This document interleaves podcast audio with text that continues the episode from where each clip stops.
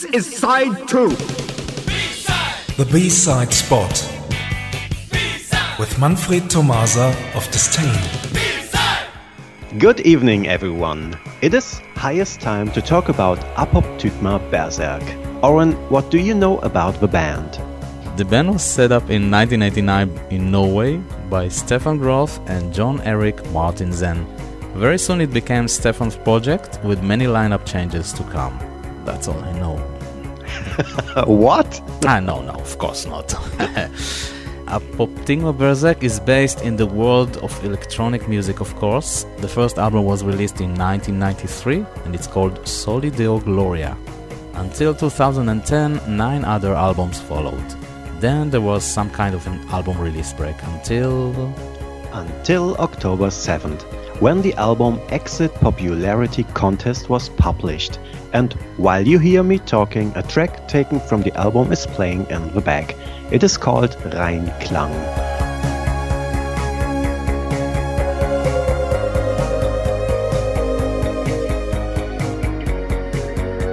The album itself is a compilation containing all tracks taken from the vinyl singles Apoptygma Berzerk released between 2014 and 2016. Up to this, Exit Popularity Contest contains one extra track and refers to the synth sound and electro styles of the 70s and early 80s. And while you hear me scratching the vinyl heavily, I'm preparing myself to play Shine On, a single released in 2005. Thank you.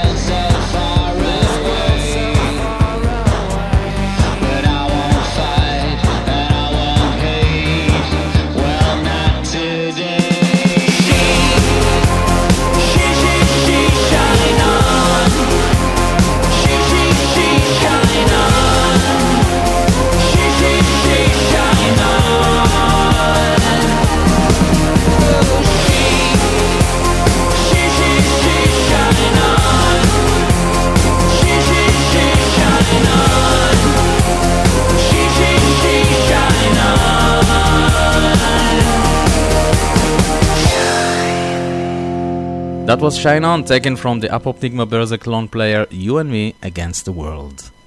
And here is the singles exclusive B-side, Friendly Fire. Thanks for listening and see you somewhere in time. Thank you, Manfred. Bye bye. Bye bye.